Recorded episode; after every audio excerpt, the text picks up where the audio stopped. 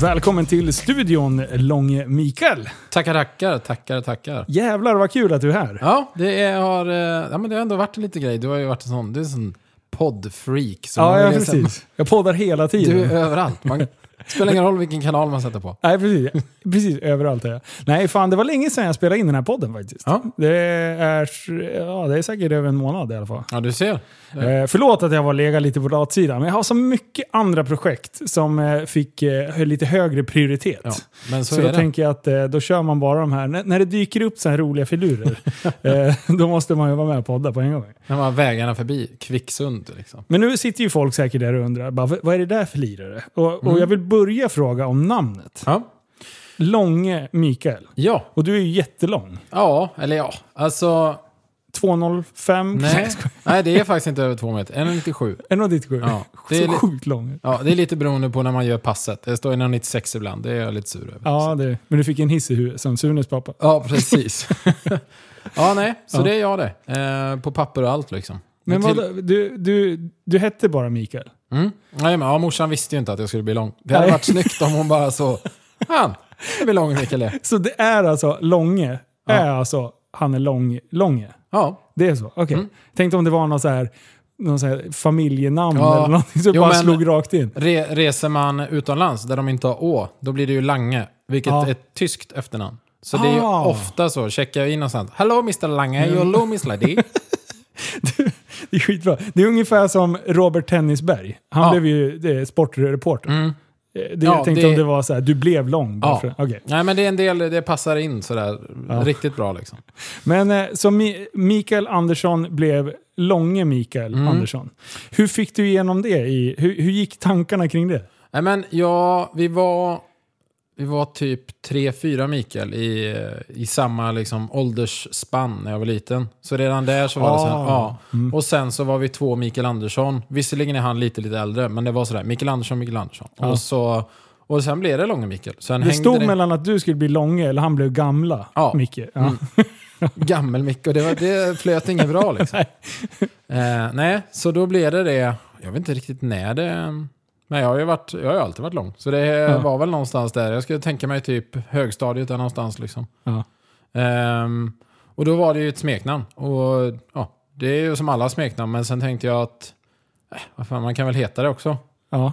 Eh, det var någon sån, eh, jag hade gjort slut med min eh, dåvarande flickvän. Eh, så då, då tog jag tåget till Stockholm, klippte mig och sen bytte jag namn. Det var det. Vad sa Skatteverket då? Eller vilka är det? Är det bokföring? Jo, visst Mm. Nej, det. Skatteverket. Ehm, ja, det var ju sådär. Jag gick in tänkte, ja, jag skickar in det så får vi se. Men eh, den, de ringde och bara, vad, vi ska bara kolla. Eh, det är inte ett skämt va? och jag bara, nej, nej, nej det, är, det är jag.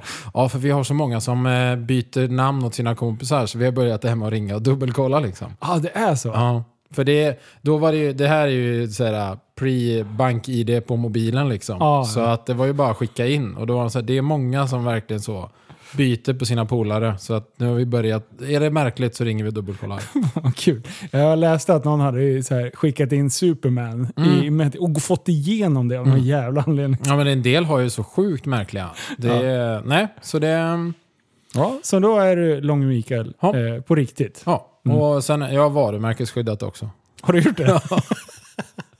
det är så jävla bra. Ja, Man ska varumärkesskydda alla bra grejer man ja, ja på. det, är, det är det bästa som finns. Alltså, det är bara in PRV och så bara ansök. Ja. Och sen är det så här 2-3 eller 2-5 per Ja. grej. Det är skitbra. Spendera halva lönen på varumärkesskydda grejer. Bara Bara. allt så får du en liten tavla tillbaka. Ja. Perfekt ju. Men du, jag tänkte så här. För folk som inte alls vet vem Långe Mikael är. Ja. Eh, så om du skulle själv få säga, vad är du mest känd för? Jag är nog absolut mest förknippad med företaget LMR. Alltså bildelar, bilgrejer. Det var ju egentligen, alltså det var väl där som, som man blev eh, ja, men känd utåt. Ja. Eh, mycket så, alla känner apan, apan känner ingen liksom. Mm. Eh, alltså mycket till en början. Och sen är det, jag menar LMR, det står ju Långe Mikael Refinement, inte racing. Racing. Nej. Det trodde jag. Ja, och det tror alla. Men R, det var ju, allra första början, det var ju Volvo-grejer vi höll på med. Ja. Ehm, och R i Volvo R-modeller står för refinement. Åh, Mm. nu är det ju för fan riktigt, eh, nu är det historieskola. Jajamän. Nu Så jävlar. då, men det är ju racing på varenda... De tror ja men det är väl Långemycke racing. Nej. Jag har ju fått mycket brev där det är så. Långemycke racing. Jag bara, Ja, det är... jag, jag kunde offra min högra sko, som Mm. Annie Lööf brukar säga. Mm. Men du ska få behålla den. Så Ja. det är lugnt. Det Nej. gjorde hon också. Ja, precis. Det är dåligt. Ja, jag Ska stå för det man säger. Men eh, eh, om vi börjar där. Vi, vi, vi drar LMR-storyn. Mm. eh, hur, eh, hur började du, hur växte det företaget fram? Det var, alltså, allra första svängen när det liksom, jag gick ju, vi får väl kanske det, ta hela så, farsan har ju liksom alltid varit bilintresserad, men det var mest veteraner liksom. Han har en Mm. gammal PV och det, är liksom, det har hängt med. Det är, alltså inte så bensin i blodet, men det har ju alltid funnits ett bilintresse liksom. Mm. Eh, och sen på gymnasiet så gick jag ju den mycket fashionabla linjen, m- Trollhättan, så då blir det ju Saab-linjen liksom. Åh, ja. Ja. Är Eh. Trollhättans stolthet. Ja, precis. Och för de som är unga så Saab det var ett bilmärke. Ja, precis. Nej. Det är long gone. Ja, verkligen. Nej, så de hade ju, det här var ju 2002, Eh, du ser svingammal. Då hade de ju en, en eh, gymnasielinje för de ville ha, från allra första början var det mot deras produktion. Alltså de ville, de ville ha, det var inte fordon utan det var lite mer inriktat mot att jobba kanske som en eh, tekniker på produktion. Alltså att du skulle, ja men, lagbas liksom. Ja. Ehm, men sen insåg han att det blir mer och mer elektronik, så då gjorde de ytterligare en inriktning. Bilelektronik liksom. Så Saab Electronics, den hade då premiär det året vi sökte in. Det var så superbra, max 16 personer i klassen, det var sommarjobb, det var anställning, det var betalt körkort, det var skolresa efter. Oh, ja, det var... Och det, det De var hade slagit på stora trumman. Verkligen, det var allt liksom. Helt nybyggda lokaler. Eh, så det var ju jättemånga som sökte in, men vi, ja, jag var en av de 16 som kom in. Mm. Eh, och det här var ju då, ja i augusti börjar vi, november varslas av 3 500 anställda. Vad gör man då? Jo, man skruvar åt lite där utgifterna är. Och vad är utgifterna? Ja, det är vår nystartade gymnasieskola. Nej! Jo, så det var så. Ingen sommarjobb, ingen anställning. Eh, vi fick halva priset på körlektionerna, betald halkkörning. Och sen skolresan som skulle gå till en av GMs fabriker i, i Europa. Den gick till Saabs stugby i Nyköping. Nej! Vilken jävla grej. Ja, så där kom ju liksom bil, bilintresset om man säger så. Det, det hängde med i skolgången. Men eh, om vi backar lite grann där. Mm. Innan, eh, hur, var, du, var du duktig i skolan? Ja, men det skulle väl alltså... Jag hade väl helt okej betyg liksom. Ja. Är du, var du den, om vi drar extremerna nu, var du den som satt längst fram eller var du den som satt längst bak? Jag var den som alltid pratade för mycket. Som på varenda utvecklingssamtal, förutom en gång i trean, eh, har fått höra Ja, han pratar lite mycket. Okej, du satt längst bak alltså? Ja, jag satt nå- någonstans där och sen har jag liksom så här, haft tur nog kanske då lätt för att lära mig. För jag är inte alltid så. Jag har mest pratat. Ja, Mm. Och det hänger väl kvar än. Som tur är. det är bra. Det är därför du är en bra gäst i podden. Ja, Det- För här, här vill jag ha folk som kan prata. jo, men Mm, det, och det är liksom så här, man får prata för sig. Det är, man har ju lärt sig under åren också. Så att, Men har du alltid varit, liksom, om man backar ännu längre, liksom unge eh, Långe Mikael? Har du, har du varit stökig eller har du varit eh, mönsterbarn? Ja, men där skulle jag nog säga att jag har nog varit rätt... Ja, visst, frågar jag mamma så tror jag inte jag har varit något jobbigt barn. Liksom. Jag var Nej. ju... Alltså, morsan och farsan gick isär när jag var pytte, så jag har liksom ingen minne av dem tillsammans. Nej. Och första syskonet fick jag när jag var åtta, så jag har ju liksom varit ensam fram till dess. Okej. Mm. Eh, och kan nog inte säga att jag har varit något speciellt jobbigt barn. Det tror Nej. jag nog inte. Jag tror inte mamma skulle säga, äh, inte pappa heller för den delen. Nej. Men eh, har, du, har du alltid varit, jag vet ju att du är lite av en bubbelmästare, att du liksom har mycket projekt. Har, du Mm. varit, har du varit så ända sedan barn? Ja, men det har nog alltid varit mycket så bollar i luften, mycket grejer på gång. Eh, sen har det ju sådär, jag vet inte, själva företagen eller liksom det här intresset. Det fanns väl inte något så utstakat när jag var jätteliten, men det kom väl sen och sen har det väl liksom byggt på. Sen har det alltid varit så att jag gillat att hålla i prylar. Skulle arrangeras något, alltså det kan jag nog ha sådär. Mamma var ju liksom klassförälder, självklart. Okej, Ja, ja, ja, ja. ja. Så det var liksom... Det har, Äpplet faller inte så långt. nej, det har kommit från det där att nej, men det är lite kul att hålla, då vet man att det blir arrangerat, det blir ordning. Ja. Eh, Kontrollbehov kallas Ja, det. lite skulle jag nog säga. Det skulle jag nog. Det kan man också kalla det. Det är kul att hålla lite i det. Ja. Ja, du är sadist. Mm. Du Ja, precis. kontroll. Precis. Slut. Gör som jag säger. Men du, alltså som företagsbiten, du har inte varit den som liksom stod och blandade saft och sålde för Nej. 25 spänn på gatan liksom. Nej, det har nog inte varit på det viset. Ehm, Vad är det för barn? det här är lite Ja, ja. roligt. ja. Vad är det för barn och vad händer med dem? För man, alla, alla vi har ju sett dem. I alla Ja. fall vi som är lite äldre. Mm. Eh, kanske de här yngre, ja, de satt väl med en jävla iPad någonstans. Eh, men men det, undrar vad, om det blev liksom bra företagare utav dem? Alltså jag vet inte, jag såg en reklam. Nu tittar man inte mycket på linjär tv som det så fint heter. Men, men jag såg eh, en reklam för, kan det ha varit Sparbanken eller något? Då är det ju någon, sån, eh, någon unge som ser en cykel i en cykelaffär. Och så går han ut och klipper gräs. Och, gör, och då ser man så här, det är inte så att du får en peng utan det, det är swish. Det är liksom Ja. sådär, ja. Det ska swishas. Det känns ju som att där är det lite så företagsam. Åker runt, klipper gräset åt grannarna och sådana här saker. Men de som stod vid vägen och krängde saft, jag vet inte, det känns som, det är lite så psykopatvård. ja, jag tror ju att de, det, det är liksom... Även fast det känns som så här, ja men det är ett entreprenörskap, Mm. så känns det mer som världens shortcut. ja. Det känns verkligen så här som att eh, det, det, det blir för lätt. ja, och så är det så här, ja men det är lite sött, det är klart vi köper lite saft. Men det finns ingen, det finns ingen som kommer säga det när du kommer i företagsidé, ja men det är lite sött, jag köper den. Det är även de ungarna som typ gnällde och kastade paket på julafton Ja. för att de inte fick det de fick. Ja, det, det är liksom min... Jag, jag, kan inte förs- jag kan inte komma på varför jag tänker i de banorna, varför jag kopplar Nej. ihop den typ av... Men jag skulle nog kunna dra den kopplingen lite. Ja, alltså barn som klagar på presenter, ja, Ja. även vuxna finns ju de med, men det är, ja det, det finns en speciell plats i helvetet för dem alltså. Ja, men du sitter ju och funderar på om inte barnaga är en bra grej ändå. Det var det du sa. Nej, nej. Man kan ju låsa in, alltså snickerboa. Ja, exakt. Fortfarande en godkänd lösning tänker jag. Frihetsberövande. Ja. Ingenting. Ja, nej, men eh, okej, så du var ingen företags eh, på Nej. det sättet. Men, Nej, men det du, var har, du, du har alltid eh, varit lite om dig och kring dig och Mm. velat styrt. Liksom. Ja, men lite så. Det har ändå varit sådär, velat uh, hålla och organisera och ja, men plocka och greja liksom. Mm. Ehm, Är du, är du liksom... Du känns ganska strukturerad som person. ja, alltså det är ju så, det är så varierande. För jag, ibland kan jag ju liksom så komma på mig själv, typ, ska jag laga mat? Då Ja. ställer jag upp alla ingredienserna och så bara vrider jag på etiketten på burkarna. Du och så, gör det? Ja, och sen så bara, psykopat.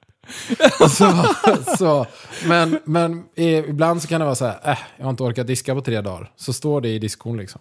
Okej. Ja, så det är, och det är högt och lågt. Ja, det, här det är verkligen. svårt. Alltså. Och sen kom jag på mig själv att stänga köksluckor. Jag kan komma in i köket när jag har... Ja, men så bara... Det är sex stycken luckor öppna. Vad- Ja, jag har tagit en grej i varje skåp. Sen gått och satt mig i soffan och ätit, men inte stängt några. Så det är liksom, det är verkligen så bara... Det finns ingen, det finns ingen logik i. Ja, är, du, är du lite så, så att du släcker bränder hemma också? Så där, man påbörjar ett projekt och sen slutar det med att sex projekt senare, man har inte gjort någonting klart, men man har liksom varit och petat lite överallt. Alltså, hade jag haft hus, nu bor jag i hyreslägenhet, så det finns Ja. liksom inte så mycket att påbörja där. Okej. Så där blir det ju lätt att det man påbörjar det avslutar man, för det är inte så mycket. Det är typ, ja, Ja. jag ska snygga till kablarna bakom tvn. Mm. Ja. Men absolut, jag har ju liksom... Vad hade jag? Typ så här gnisslande gångjärn på en dörr. Men det tog ju ändå typ fyra år i lägenheten innan jag smörjde det gångjärnet. Men det är, så, det är en del grejer bara, nu vi det. Och sen en del nja, det är ingen stress. Hur drivs du? Vi, vi säger om, om någon skulle... Om vi, vi skulle driva ett företag tillsammans Mm. och sen är det så här. Hur vill du att... Hur bli, vad är det du blir motiverad av? Eh, Skäller Mm. man på dig eller... eh, När agerar du liksom? Oj, jag har ju liksom... Jag vet inte riktigt. Jag tror ju inte... Min lärare, det här kanske det är mer så lite hur jag funkar, men min gamla klassföreståndare i sjuan, jag har tänkt mycket på det. Hon, hon, hon sa liksom en grej till, till mig många gånger. Hon var så här, alltså, du är så trögstartad. Men när du väl kommer igång, då är det inte många som hinner med. Ja. Så det var liksom sådär, och jag har börjat tänka på det. Jag kan verkligen skjuta på tills jag drar... Och sen när jag startar ett projekt, då är det så här, nu jag det här pang, pang, pang, pang, pang. Mm. Och sen är det gjort. Och det, det, så, så funkar jag nog. Det hänger verkligen kvar. Det, hennes ord är så här, ja, Ja. men så är det. Alltså det, är det, det, det är lite roligt, för det, varför jag frågar det är ju för att jag känner igen mig Ja. eh, i, i det du säger. Eh, en del skulle ju säga att jag skulle ha en diagnos, liksom, men Mm. jag, jag får inte en fullständig diagnos. För det, jag är för fungerande. Mm. Men däremot så har man ju liksom eh, vissa saker som petar mot, eller pekar Mm. mot det hållet. Liksom. Eh, men jag är ju så här. Om, om jag, jag agerar som bäst när jag är förbannad. Ja. Alltså jag blir så sjukt effektiv när, när jag känner att jag ska visa någon. Ja. Alltså, det, är en sån bra drivkraft. Jag har börjat förstått att vissa i min närhet typ pushar lite på det För där. att det ska hända liksom. Så, man, man, man bara, du är fan... Men bara retas lite så här, Mm. och man bara, nej nu jävlar. Och då får jag saker gjort. Ja, nej, jag vet inte. Det tror jag inte är liksom en... Utan jag är mer sån... Äh, men, äh, men, jag får väl göra det själv då. Då är det liksom Okej, så, ja, ja, ja. ja. Och då är det sådär liksom, jag, många gånger har man ju svurit, in, alltså all cred till mina gamla anställda, de har gjort ett jättebra jobb. Men Ja. ibland har de inte gjort ett jättebra jobb. ja. Och då blir man såhär, ja men då får jag väl göra skiten själv ja. Och det är liksom sådär, det, då knyter man näven och så är man förbannad. Och så säger man ändå inget, så går man ut och så gör man det. Och så sitter man där och svär lite, sen bara, behöver göra allt Och själv. där hoppas man ju att de som kanske inte levererade på, till 100% Mm. att de såg på det här och kände att Mm. aj, aj, aj. Ja, Nu, men, nu tar jag åt mig Ja. att det blev bättre gjort. Vet du vad de känner? Fy fan vad skönt. japp. De, ingenting känner de. Nej. De bara skiter i det. Man, det är, man är ju såhär, man, först, nästa gång så gör vi så här, bara, nej jag skiter i det, jag gör det själv. Ja. Och sen så bara, fast så funkar det inte. Då behöver jag inte ha några anställda. Nej, exakt. Ja, nej, det där är spännande. Men eh, vi går tillbaka. Mm. Du eh, har gått ut, eh, eller ja.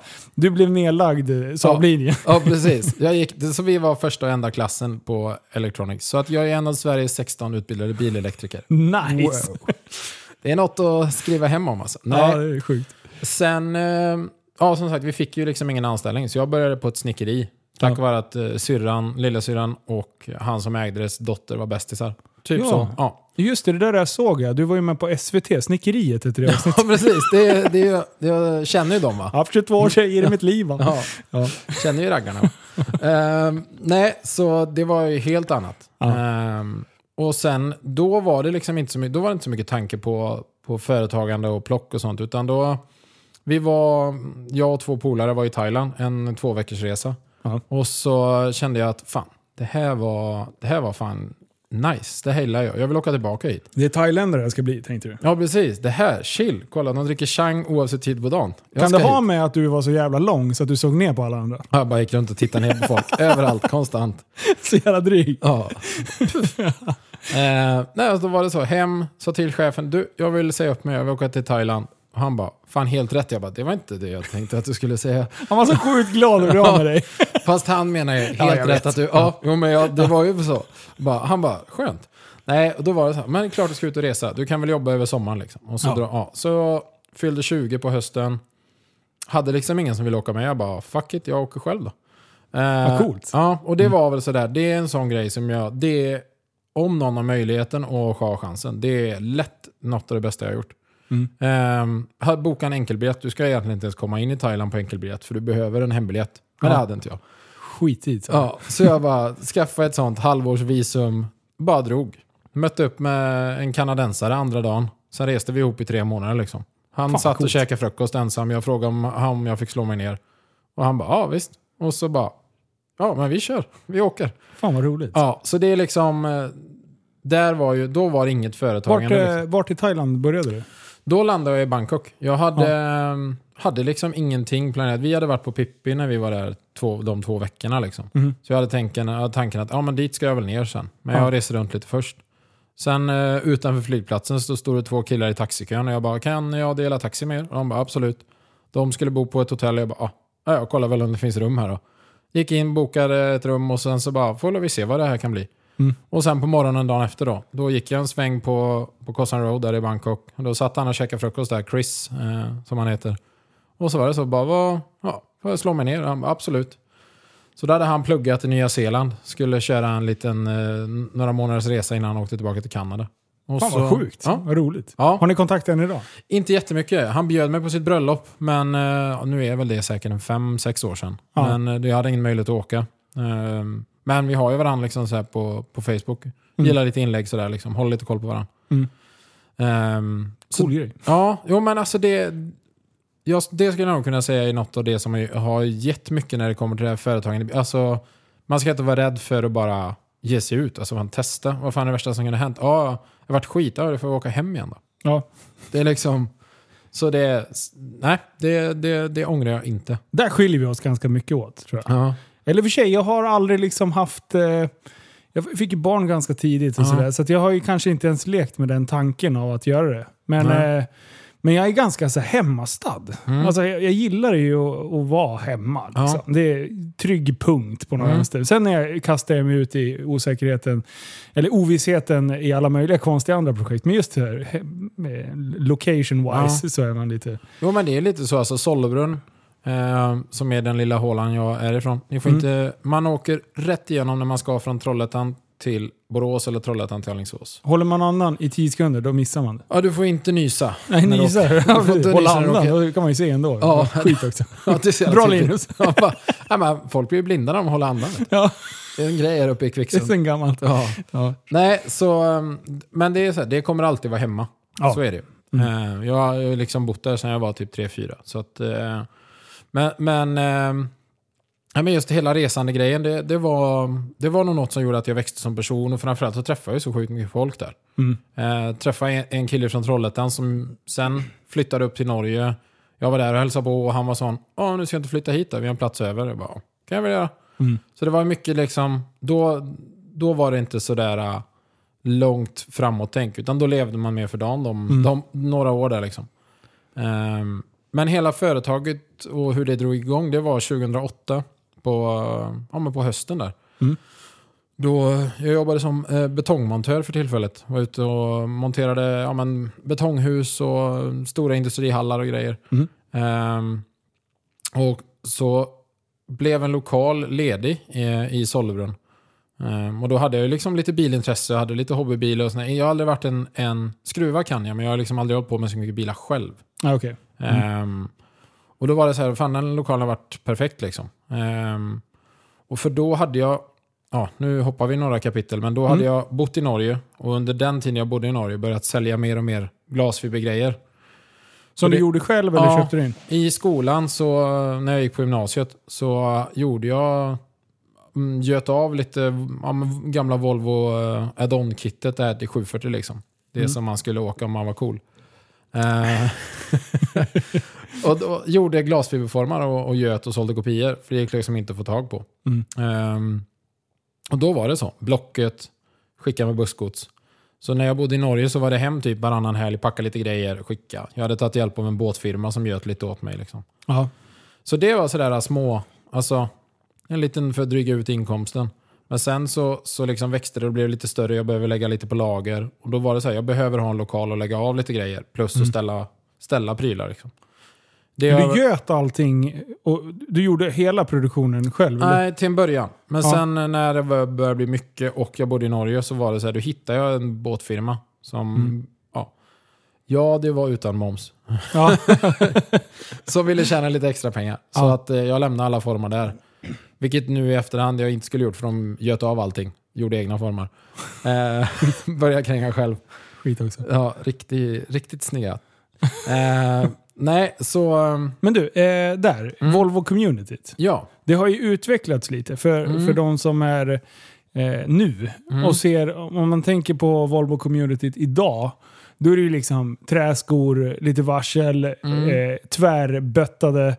Eh, men det var ju inte riktigt det när du pratar Volvo. Nej, alltså det finns ju hela, du kan ju ta hela de här sen typ så här Vallåkra-gänget. Vallåkra-träffen är ju det klassiska Ja, Volvo-träffen liksom. Ja. Den stora träffen i Vallåkra nere utanför Helsingborg. Såg alltid eh, bilder från dem i bilsport. Ja, nu, Mm, nu är den ju bilsport arrangerad, men från allra första början så var det ju liksom ett gäng de var ju bilbyggare liksom. Och det var ju så här, då var det gamla Volvo 140, 240. Det var mycket, då var det så här plåtbreddningar, lambodörrar, måsvingedörrar. Mycket Mm. så, lite större karossjobb. Mm. Och sen så kom ju det här hela Autotech-eran. Autotech är ju Ja. från Trollhättan. Då var det liksom framhjulsdrivet och 850, det var S40s. Det var liksom där. Det var där R kom in och blev coolt. Ja, Mm. precis. 850 R liksom. Mm. Älskade den där solblekta gula. Mm. Varje gång man såg den där, då bara åh, fan vad coolt. Jag tyckte det var så ballt. Jag bara, när jag blir stor då ska jag göra en 850R. Det var, Ja. liksom, det var ju drömmen. En Liksom. tegul liksom. Ja, T-gul. Ja. Ja. precis. Nej, och det, det var... eh, Nej, så då, det var ju liksom... Då var ju Volvo på det viset... Ja, men det, det var framhjulsdrivna eran och sen så bör, blev det helt plötsligt började bli lite mer populärt med 240, 740 igen. Det var liksom... Sen kom ju T5 i 850. Då var det så här, vi borde kunna sätta T5 i 740. Och sen kom hela den... Aha. Ja, då rullar det på. Ehm, och sen, sen har du ju nu, till nu, då är det liksom, ja, du köper en fas 2, sätter på billigaste coilsen från J-spec, eh, böttar skiten ur den och sen åker du bara runt och spelar stereo. Ja. Ja, inget fel i det, men det, det, är liksom, det finns inte jättemycket, ja det finns fortfarande, men det är inte jättemånga som liksom bygger på Volvo. Nej. Bilcommunityt har ju mer blivit att, fast bygga bil idag är ju en helt annan sak också. För att bygga bil idag är mer sådär, ja du sänker den och Ja. sen sätter på feta fälgar så har du byggt bil. Ja. Det, det, Det är så jag brukar säga. Ja, har men, jag byggt bil. ja. Jo, men det, det har ju liksom blivit... Eh, det är inte så många som bara, ah, men jag tar vinkelslippen och kapar i den här. Mm. Ehm, Men man kan ju säga att för enkelhetens skull att eh, det, de nya Volvo-raggarna, Mm. det är ju gamla jänkaraggarna. Liksom. Ja. Alltså riktiga raggar-communityt. Ja. För när man hörde hög musik och det dunkades plåt, då visste man att kommer en gammal jänk. Liksom. ja, kommer nu kommer man- en Volvo istället. Alltså det är Precis. jättekonstigt. För mig som kommer ihåg när farsan kom hem med en ny 850. Liksom. Eh, en kombi. Alltså Mm. Det, det var ju liksom, det var en fin eh, familjepulka. Mm. Nu Men- bara, Men vad nu är, hände det, sen? nu är det liksom... Nu, jag menar nu med de nya A-traktorreglerna, nu är det liksom så fas 2 som eh, A-traktor. Ja. Och det... Ja, men det, det är Men fortfarande... vänta, vänta, förlåt. Tänk dig alla de här bilarna som är tvärsänkta och grejer. ja. Alla de bilarna har plockats ut nya Mm. av någon som har varit så här supernoggrann Mm. med sin bil. För alla som köpte nya Volvo, Vol- just V70 och Ja. de där, det var ju så här, de, det var ju eh, knullputs på grejerna. Ja, ja. Det, de tog hand om grejerna. Oh, och sen. Mm. om de skulle se sin bil nu, så här 20 år senare, bara åh herregud. Alltså, Ja men det är verkligen så här, de, den hade två vägar att gå. Eller antingen så här, antingen var det en taxibil som hade 50 000 mil på mätaren, det spelar ingen roll. Eller så var det en sån jättefin omhändertagen. Kunde då kanske rullat som tjänstebil några år. Ja. Lite beroende på vad det var för typ av person. Så var det så här, superfint skick och sen bara, fast nu böttar vi den. Ja, det är jätteroligt. Köper vi IMAs IM5 och kränger på. Ja, ja shit. Ja, förlåt. Eh, LMR tog fart. Det var Ja. där vi var. Eh, I alla fall, jag behövde ha en lokal och då var det så här, kunde inte hyra lokalen utan att ha ett företag. Mm. Eh, så då var det naturligt, ja men då kör vi en F-skattsedel, eller det blev en enskild firma liksom. Mm. Eh, och det var ju hösten 2008 och då i samma veva så tog jag fram två egna produkter som hänger kvar fortfarande. Eh, till 740 var ju det, fetaste du kunde sätta på din 740, det var ju de släta handtagen, dörrhandtagen från 960. Det var grejer. Ja. 960, 95 till 97 och så sen 98 och SV90. De hade ju ett annat dörrhandtag som passar bolt-on liksom. Oh, wow. Ja, så då insåg jag att varför, eh, varför liksom, för då kostar typ en uppsättning handtag så här 2000 spänn för fyra handtag. Ja. Men, då men vi gör en kåpa som du bara klickar på 740-handtagen istället. Mm. Och så hade jag en kusin som jobbar som eh, verktygsmakare. Så Ja. han hjälpte mig, liksom vi måttade av och rita och greja och gjorde en kåpa och så tog vi fram en, en riktig form och plastspruta kåpor liksom. Ehm, och ja, vi tog typ 600 spänn för en uppsättning och det var, alltså jag tror jag sålde tusen uppsättningar där första halva. Alltså det, och sen bara, sen åkte vi till Elmia med den. Och jag, jag vet inte hur många, och det, det fortsätter fortfarande liksom och säljer tusentals kåpor varje år. Så att det är Ja, liksom, coolt. ja. Ehm, så det, den, är, den är helt egenutvecklad. Sen har den kopierats ett par gånger. Mm. Och det, var, det är så här, kopierar någon den då har man uppenbarligen gjort något bra. Ja. Ehm, och Det är sen, så man får se det, men Ja. det är ändå surt. ja, det, jag, jag märkesskyddar den ju. Ja. Ja, men de ändrade utsidan mer än 20%. Ehm, så då kom Ah. de runt det. Insidan kopierade de ju exakt, för den skulle ju passa på handtaget. Ja. Men eh, designskyddet som den hade, ja, det täcker inte en yta som inte syns när den är monterad. Så jag, det var liksom noll skydd. Okej.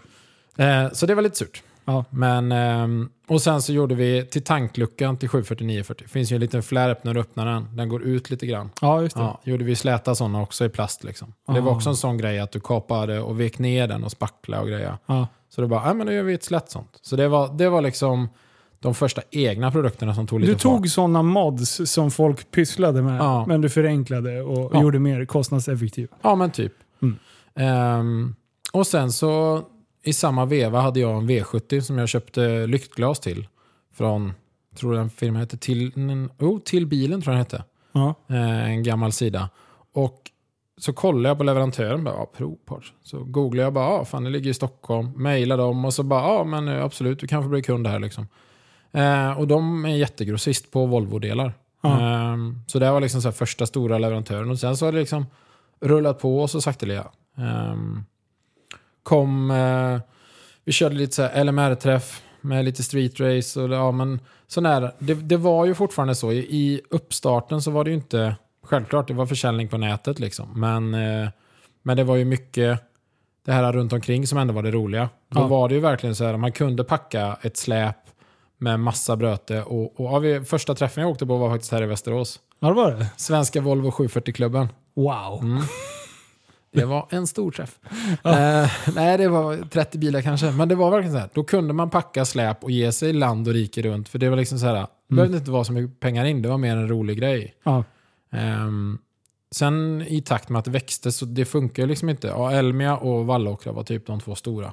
Mm. Men då var det ju liksom Sista gången vi åkte på Elmia, då var det ju lastbil. Alltså det, Sjukt. ja, det, var, det, det är lite Ni hade skillnad. ganska stor monter va? Ja, det var ju samma där. Alltså, vi hade ju alltid mycket bilar med oss. Jag hade ju glädjen av att ha... Liksom man träffade ju så mycket folk som sen blev nära vänner som också byggde feta bilar. Vilket gjorde att man kunde plocka med sig dem. Mm. Ehm, Men vilket år liksom, har det alltid varit ett Volvo-märke? ja, fram till... Skulle nog säga 14-15 började nog gå över till lite mer annat. Och det var nog i takt med att driftingen blev större. Liksom. Okej. Ehm, de första åren så var det ju ja, till 99% Volvo-grejer. Sen Mm. blev det lite universalprylar, sen blev det, blev det väl lite så, lite Nissan, lite BMW, Toyota. Det är väl de, de stora förutom Volvo då liksom. Mm. Lite Saab-prylar men... Men, Men ehm, vi vet ju hur det gick sen. Ja, så Saab det är inte så många som köper längre. Ehm, nej, och sen, sen framförallt universala prylar. Liksom. Ja. Ehm, och det var Jag ju- har aldrig liksom fattat att det har varit nischat för Volvo från början. Jag, jag har ju liksom inte... Jag har ju varit ganska eh, ointresserad av bilvärlden. Ja. Jag har bara tyckt att alla har varit lite halvdryga. Och det har alltid varit så här. Saab hatar Volvo, Volvo hatar Saab, BMW hatar Merca. Det är så här, jag har svårt för den där grejen. Mm. Det, det, jag beskriver det ungefär på samma sätt som när två eh, hejaklacker inom typ, eh, om Ja. två lag möter. Heja fram ditt eget lag, stå inte och hata på det andra laget. Nej. Exakt så blir det så här. ah, jag fattar inte den grejen. Varför man måste, är man så osäker i att tycka om sin egen grej så man måste prata ner andra, ja, då kanske du inte tycker om din grej så jävla mycket. Så går Nej, men många resonemang. gånger, det är ju liksom som det här, är du egentligen supporter för att få hata på någon? Eller är du supporter för att du tycker om ditt eget? Ja. Liksom? Exakt. Och många är nog... Men det, det, känslan är att det där med... Ja visst, nu är jag inte inne i nördgrupperna. Jag har ju liksom gått ur alla bilgrupper på Facebook. Men man var ju ändå inne i dem när man hade det. Ja. Ehm, och känslan är att det inte är riktigt lika mycket så hat bilmärke mot Nej. bilmärke. Men sen är det fortfarande så här, folk är ju bra jävla dryga mot varandra på nätet alltså. Men det spelar ingen roll vad man tittar. Eh, så är ju, folk har ju inget hyfs. Min åsikt, åsikt räknas. Mm. Det är så jävla efterblivet. Ja. Det är så här, folk bara går in och bara häver ur sig. Bara, det är typ så här, du har fula byxor. Bara, Ja. men det är inte du som behöver ha dem på dig. men- alltså, jag skiter väl vad fan du tycker. Liksom. Det är liksom så här, för att dra det långt, bara, inte för att jag är någon superföljare av henne, men typ Bianca Ingrosso. ja, alltså, herregud. jävlar vilken affärskvinna. Det, får man fan, det Ja. kan ingen ta ifrån henne. Nej. Men vi har mycket hat. Alltså jag vet, Ja. oavsett, hon tog en utdelning på vad det stod i Aftonbladet, så här 57 miljoner år. Ja, och jag, Grattis säger ja, jag. och jag bara, hade gärna haft den utdelningen, men jag vet inte fan om jag hade velat ha den med det skiten hon får alltså. Nej. Och det är sådär, äh, folk har noll spärrar. De bara går fram och häver ur sig skit. Man bara, vad ger dig rätten? Och Ja. liksom folk klagade på, det var någon som säger om jag såg kommentarsfältet på Aftonbladet, man bara, jag fattar varför det finns kardborreskor för vuxna. Ja. Alltså det är verkligen så bara, ja hon kunde skänkt de pengarna. Ja fast hon kanske skänker dem, det vet väl fan inte du. Nej. Hon har jobbat för dem, vad gör du själv då? Ulla-Britt. Precis. Du sitter och sjukskriven och, och jobbar svart liksom. Ja men precis, och är förbannad på internet.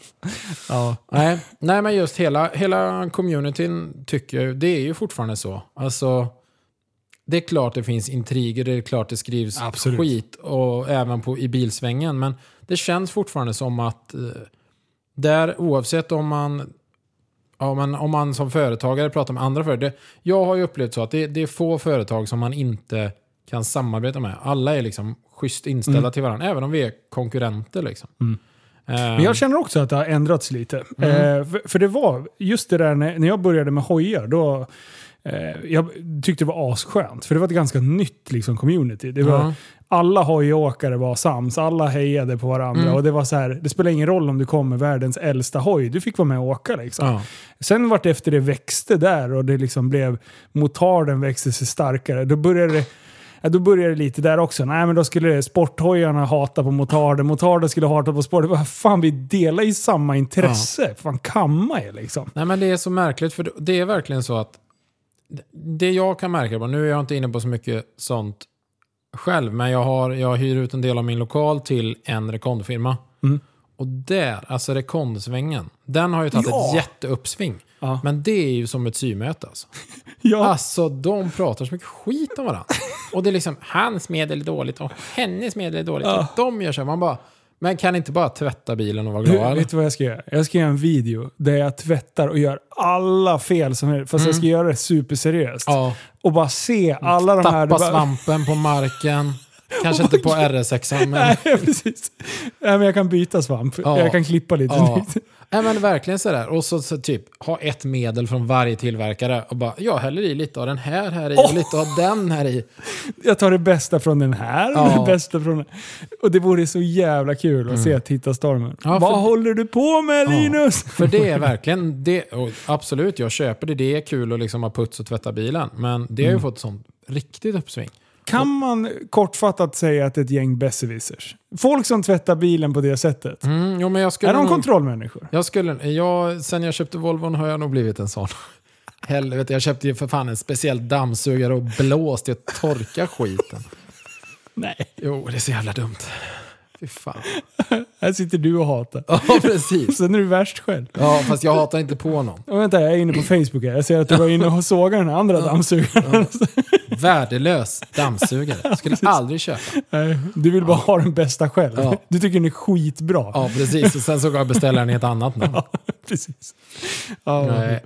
Ja, nej, eh, men bilsvängen, ja, eh, det var därför jag inte visste att, eh, att Volvo-svängen var Nej. så. Men nu är jag ju lite inne i bilvärlden igen. Och Ja. jag tycker faktiskt också som du beskriver det, det, det är lugnare. Ja. Och det är inte lika mycket hets. Folk köper faktiskt någonting annat än det, sitt favoritmärke. Jo, De men så är vågar det. testa vingarna lite. Jo, men nu är det så här, du är inte... Och sen är det ju det. Det har jag under åren med LMR. Det första du lär dig, det är att det är sjukt. Alltså, ah, det finns ingen, ingen trogen kund, eller vad man ska säga. Inte för Ah, att det är nej. fel på dem, för att de handlar på fler ställen. Men, men sen kan du självklart ha sådana som alltid handlar hos dig. Men det är samma som, ska du köpa en tröja, då tittar du vart den är billigast. Liksom. Ja. Så är det ju. Och det har man märkt blivit vanligare nu. Ja. Eh, I början så var det verkligen, nej men jag handlar allting där. Och sen är det sådär, det är även då, inte för att vara sån, men det här är ju sånt jag försöker predika till dem när det, som söker spons. Liksom. Ja. Det är den absolut vanligaste frågan. Och det är just det här att absolut, du kan få rabatt, det är en sak. Sponsring är något helt annat. Men ska du, ska du bygga något stort, eller framförallt, nu har det ju varit mycket drifting, du tävlar Ja. liksom. Och då, det kostar sjukt mycket och du får ingenting tillbaka. Alltså du kan inte vinna några pengar. Liksom. Det är Nej. bara en utgift att hålla på med. Jag förstår att det behövs sponsorer och sådana som hjälper dig i satsningen. Men det viktigaste, det är ju sådär, du ska inte söka spons inom bilsfären. Absolut inte. Det är liksom sådär, du ska inte söka hos LMR, hos D-design, J-spec, KL. Du ska, där, där söker du inte sponsring. Det du ska göra är att du ska hitta företag i din lokala hembygd. Har du ett lastbilsåkeri, ja, kan de ta en faktura på 5000 på, på grejer? Kan, ha liksom så här, sök hos alla som inte har med bilar att göra. Sen när du har fått rena pengar, då hör du av dig till det företaget du vill handla hos. Och så säger du så här, jag vill handla grejer för 40 000. Vad skulle vi kunna göra? Då snackar vi. Då är det så här, ja men dina 40 000, då kan du kanske få grejer för 50 000. Och helt plötsligt har du då fått ihop sponsring på 40 000 och de har gett dig grejer för 50 000. Ja, Men bra. hade du kommit till företaget och sagt hej jag vill ha grejer för 50 000 men jag har inga pengar. Mm. Då, är det, då, har, då, är, då är det svårare att göra något. Och det är liksom så här, man måste få, du måste börja tänka utanför Mm. när det kommer, för sponsring är ju en sån här grej. Alltså, det är likadant när du bygger bil. Alltså Mm. det, det är sponsring och rabatter, det är det folk vill ha. Det är den absolut vanligaste frågan. Ja. Det, är, det, är li- lite lustigt faktiskt. Mm. Eh, Men och det, då är det så här att kan du inte lämna rabatt, nej men då tittar de någon annanstans. Och det är så här, ja, då får du göra det. För jag kan liksom inte lämna rabatt till allt och alla. Sen kan man köra en kampanj och sådana saker. Men rena samarbeten och sponsringar, det, det kräver så mycket mer. Och det är, liksom, så det är svårt att lära ut. Det, det finns absolut många som, som är jättebra. Men Mm. det, här, det finns en person som, nu, nu är det kanske jätte off topic, men det finns en person som, som eh, inte...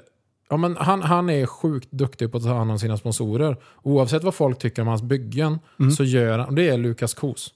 ja. Och det är liksom en sån där, alla har en åsikt om honom, om hans byggen. Men jag, han är en av de få som, som jag har samarbetat med som har sån återkoppling. Det är nyhetsbrev varje vecka, så gott som varje vecka under byggsäsongen. Det är liksom stadiga uppdateringar. Det, det, han har gjort sig ett, ett namn på det. Liksom. Ehm, och han, han har mycket att kunna lära ut till andra hur de ska göra. Sen är det sådär, jag förstår, för jag vet själv hur det var. Alltså när man mejlade till ett företag första gången man skulle fråga någonting och fråga en rabatt, absolut, du måste börja någonstans. Men det som är att folk måste även respektera att kunna få ett nej. Och det har inget med dem personligen att göra. Utan det är mer så här, du kan inte få rabatt för att du har en likadan bil som alla andra. Nej, precis. Det, det där är också, eh, jag får ju en del till eh, främst ICA då. Ja. Eh, och då är det med sponsring, hela grejen med sponsring är, och jag tror till och med att det står i, ja vilken lag det nu är, men, men det har ju med, med skatteregler att göra. Att en sponsring ska ju ge en motprestation. Ja. Eh, och det där fattar inte folk. Eh, och det kan vara i form av exponering för att du har mycket. Mm. Bilen kommer synas på bland, eh, alltså, på, på live-event. Det kommer vara på sociala medier. På någonting. Alltså, eller att man eh, kan sprida namnet på någonting annat. Eller att man får en motprestation i, i form Ja. av ett, ett jobb. Eller Ja, eller vad säger ni, vi kan ha en kick-off. Där jag kommer, om, det, om det nu till exempel är en drifting. Ja. Det är som jag har sagt nu har de börjat jobba med det i SM med, med sponsordagar. Jag har liksom varit inne på det. Ha- Hade man haft tillgång till en bana, boka den och så sälj sponsorpaket. Liksom. Alltså Ja. att du som förare betalar en fast summa per person, tar dina sponsorer till den här banan. Det finns catering, det finns allt. Liksom. Du kör runt dem i din bil, det blir en upplevelse för dem. Ja. Ge tillbaka på ett sånt sätt. Liksom. Det är inte dumt. Nej. Det vet man ju om man har varit på eh, konsert eller Ja. något. Eh, du kan gilla ett band. När du har sett dem live så blir det en helt annan grej. Mm. Ja. Om du vill trollbinda dina sponsorer, Ja. sätt dem i en driftingbil. Det kommer bli deras bästa upplevelse någonsin. och det är det så här, ja, han är chef på det bolaget och åkte med. Mm. Vad tror du han pratar med sina chefpolare om nästa gång de har en AV? Liksom? Ja. Det är ju sådär att du måste tänka utanför boxen. Det hjälper inte bara med eh, att du liksom sådär, skickar lite bilder på där du var senast. Det är en jättebra sak, men Mm. tänk sådär, vad kan, inte sådär, vad kan ni göra för mig, utan vad kan jag göra för er? Exakt. Hönan eller ägget? Ja, det, det, man kan hålla på hur länge som helst om en sån sak. Men jag, det tycker jag är lite roligt att försöka liksom få och lyfta den här biten. För det tror jag är, det behövs för att folk ska kunna hålla på. Ja, exakt.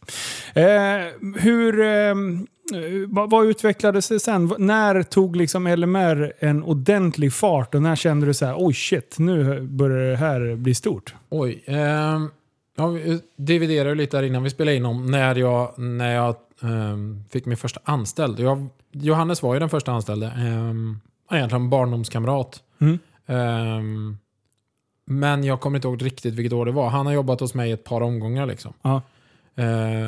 Så där någonstans började det växa och sen var det så Elmia första gången 2010 och sen har det liksom fortsatt. Men när det nog blev lite mer känt, det var nog runt 2013, då körde vi ju ett eget drifting-event på Anderstorp ju. Okej. Det var då jag startade det event, eh, Day at the Tracks, eller DAT som det Mm. heter.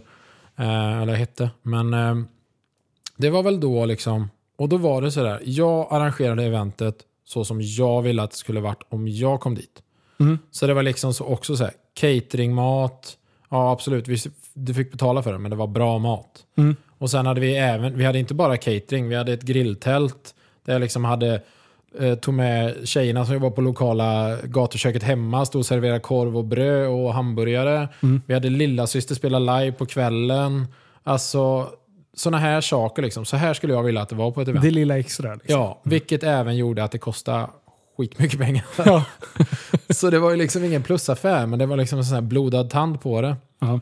Eh, Så 2014 körde jag ju en hel driftingserie eh, med Ja, DAT. coolt. Och det var ju också så. Det var verkligen så. Det har jag sagt många gånger innan. Men jag, men jag tog det från att krypa till direkt 100 meters finalen i OS. Jag bara skippa, där lära sig gå, jogga. Skit i det. Ja. Och det var också så här, det är min absolut sämsta affär någonsin. Eh, ekonomiskt sett. Ja. Men skitkul och jag tror att det har gett mycket tillbaka. Där lyfter nog LMR liksom. För LMR syntes mycket i det sammanhanget. Mm. Ehm, och det var verkligen så. Under hela DAT-serien, det får jag höra än idag att folk bara, det väl bästa serien vi har kört. Mm. Kan han inte komma tillbaka? Jag bara, jag har inte råd att ta tillbaka den. Nej men då var det också Ja. så. Vi liksom på, på ett event då hade vi inne, alltså den catering, det var liksom tre rätters som serverades på kvällen. Och i, ja men det var typ, ja det var en varm dag i line-upen. Ja, då åkte en av funktionärerna och delade ut vatten till alla som stod i line-up. Och liksom, här får ni vattenflaskor. Och det var liksom, så här, så här vill jag att det ska funka på ett event. Man tog alla de här grejerna. Hade jag suttit där nu i 30 grader värme med föraroverall och hjälm, vad hade jag velat? Jo, vatten. Men jag kan inte köra ur kön och åka och hämta vatten. Jag ska ut och köra. Mm. Ja, men då tar vi någon på fyrhjuling och ut, delar ut vatten till alla som står i line-up. Mm. Eh, ja, men alla de här bitarna som man liksom såhär, fan, så hade jag velat att det var. Mm. Men allt det där var ju såhär, så hade jag inte velat att det kostade. Nej. det var, men äh, det var... Många bäckar små. Ja, du. verkligen. Så det, men det var 2013-2014 där någonstans. Ja. I samma veva, eller ja, något år tidigare, så, så bytte vi lokal. Och då fick vi möjligheten, då var det liksom så här, vi behöver inte så här stor lagerlokal. Mm. Eh, så då, då öppnade vi även bilverkstad och tvätthall. Jaha. Eh, så Jag så mycket grejer. så jag körde, jag körde eh, verkstaden och tvätthallen egentligen medan Johannes skötte butik, telefon ehm, och de ordrarna och det som gick. Då hade vi en tjej som jobbade extra lite på lagret. Så det var liksom sådär. Men det var samma där. Alltså det, det, var, det, var, det kostade att anställa, vilket gjorde Mm. att man fick liksom dra lite i det och försöka räkna och vända. Och det enda jag kan säga är att bilverkstad det betalar sig bra om man håller sig till rätt typ av jobb. Alltså. För att Mm. det skulle jag, alltså, har man lokalen och möjligheten och någon som är duktig på att skruva, så en, en serviceverkstad det är, det är fan en guldgruva liksom. Mm. Eh, Och göra sådana här större felsökningsprylar. nej, det, kan du, det kan du plocka bort, men det är så här, bromsar, AGA-system, oljebyten, alltså Mm. lite kamremmar och sådana här. Det är liksom, har du någon som, som inte har tummen mitt i handen och lite skruvarvana så är det, det, det är superbra. Och, Typ jag. ja men precis. Nej men alltså kör nu bara. Du, nu byter du olja och så tar du kamremmen på den här äh, Jag stå- Jaguaren också med dubbla kamremmar. Jag ska stå och klia mig i huvudet fortfarande. Ja, det var, Sen 2014. ja, precis. Nej, och så då körde ja, däckverkstad hade jag också. Mm. Och då var det så här, däckförvaringar och liksom så. så att, eh, då hade vi även hand om hemtjänstens bilar, skötte tvätt och städ och såna grejer. Så att Mm. Det blev ju långa dagar. Jag var liksom, vi hade öppet eh, 6 till 18. Så jag var ju schemalagd halv sex till halv sju. Fem dagar i veckan, 9 till 2 på lördagar. Ja. Eh, så absolut, jag jobbade hela tiden. Eh, Mm. Det gav ju liksom utdelning, inte för att jag tog ut så fet lön, men det var fortfarande så här. Jag har inte köpt något toapapper på privata pengar sedan 2008. Nej, ja, just det. Just det. Hör ni det Skatteverket? Ja. Try to catch me if you Ja, can. precis. Eh, men eh, omsättning och sådär, eh, ökade det liksom successivt hela tiden? Ja. Eller har du haft några år som har pikat? Alltså det har ökat men stadigt mellan 10 och 20 procent per år typ. Mm. Ehm, sen är det ju några år som det verkligen liksom har tagit fart. Det är liksom från typ 10 miljoner, 12 miljoner, 15 miljoner, 18, 20. Ja. Sen gick det typ 20 till 25 miljoner. Ehm, så att, och det värsta är när du ökar så mycket är ju att det kostar så mycket. Ja, du måste lagerhålla lite. Ja, Och det, det är det, lagerhållare och köpa in det och liksom sådär. Så att mycket av de här grejerna, sen är det det att det är inte bara omsättningen. Det är ju också något man har lärt sig att igen, Mm. det, du kan omsätta 200 miljoner, men har du inga roliga siffror på sista raden så kan du lika väl omsätta 2 miljoner. Ja, det är billigare med Ja. skippa personal och Ja, men- arbetstid Ja själv. men faktiskt, du, du kan plocka ut mer pengar alltså på sista raden, du har en bättre vinst om du nu omsätter lite med bra marginal. Alltså, Ja, exakt. så, så det, det, sen är det roligt, absolut. Och ha en stor omsättning och mycket ordrar och allt sånt. Men det ställer ju krav på allt. Japp. Ehm, Men när, eh, när sålde du då? När eh, tog det slut? eh, första oktober förra året, 2020. 2020? Ja. Hur kändes det då? Bra. Var det alltså, skönt? Ja, alltså jag var... Jag har ju sagt så här, sen jag startade och sen när det började liksom ta fart och man insåg att alltså det är mycket timmar lite, När jag fyller 30, då ska jag sälja. Mm. Det var ju 2016, så det tog ju några år till. Ja. Eh, och sen så, så har jag liksom, ja men, typ 2018, 2019, då kände jag att alltså det här, jag är så jävla trött på det här. Mm. Det är inte roligt längre. Det är bara... Och sen var det så här, alltså visst, nu är det mycket information, men det var liksom, likviditeten var ansträngd, det var liksom tight, vi växte mycket och det Mm. kostar mycket. ja. Ehm, och då är det inte riktigt lika roligt. Nej. Det är inte kul när det, är, när det liksom är, ja du behöver ringa leverantörer och bara hej, kan vi betala den här fakturan lite senare? Mm. Så det är inte bara guld och gröna skogar liksom. Ehm, men, men jag kände liksom, ja, jag kände mig typ färdig. De absolut bästa åren med LMR skulle jag nog säga var typ 14, 15, 16. Mm. Ehm, då hade även Alexander Kvist börjat jobba hos mig. Och vi, vi, hade, vi körde vårt driftingteam, LMR Drift Alliance, med Christian Erlandsson och Viktor Mårtensson och Alex då. Mm. Och alltså, vi åkte på gatubil, vi hade vårt sånt stora stand liksom med 20 meter långt med 10 bilar. Alltså, det, det var verkligen så här, det, det var, då var det roligt. Ja. På gatubil tog vi med oss solglasögon och kläder. Det var liksom, det kan vi sälja. Mm. Det, det räcker för oss. Mm. Vi hyrde garage på Rudskogen på, på gatubil. Alltså, vi hade, det, var, det var skoj liksom. Man såg fram Man kan säga att man förenade eh, hobby med eh, företagande på Ja, men verkligen. en lagom nivå. Liksom. Ja, och där blev det ju även så här, man lärde ju känna många av dem är ju liksom riktigt nära vänner alltså. Mm. Um, ja, men det skulle jag nog säga, förutom Alex då som, som gick från en kund till en anställd till en nära vän.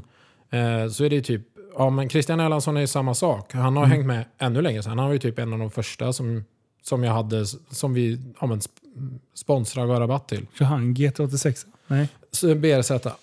Ja. Eh, eller eh, BR86, det beror lite på Ja. man kan. Ja, det är en sån. Ja. Ja, Scion FRS. Nej, ehm, det finns så många modeller på den här.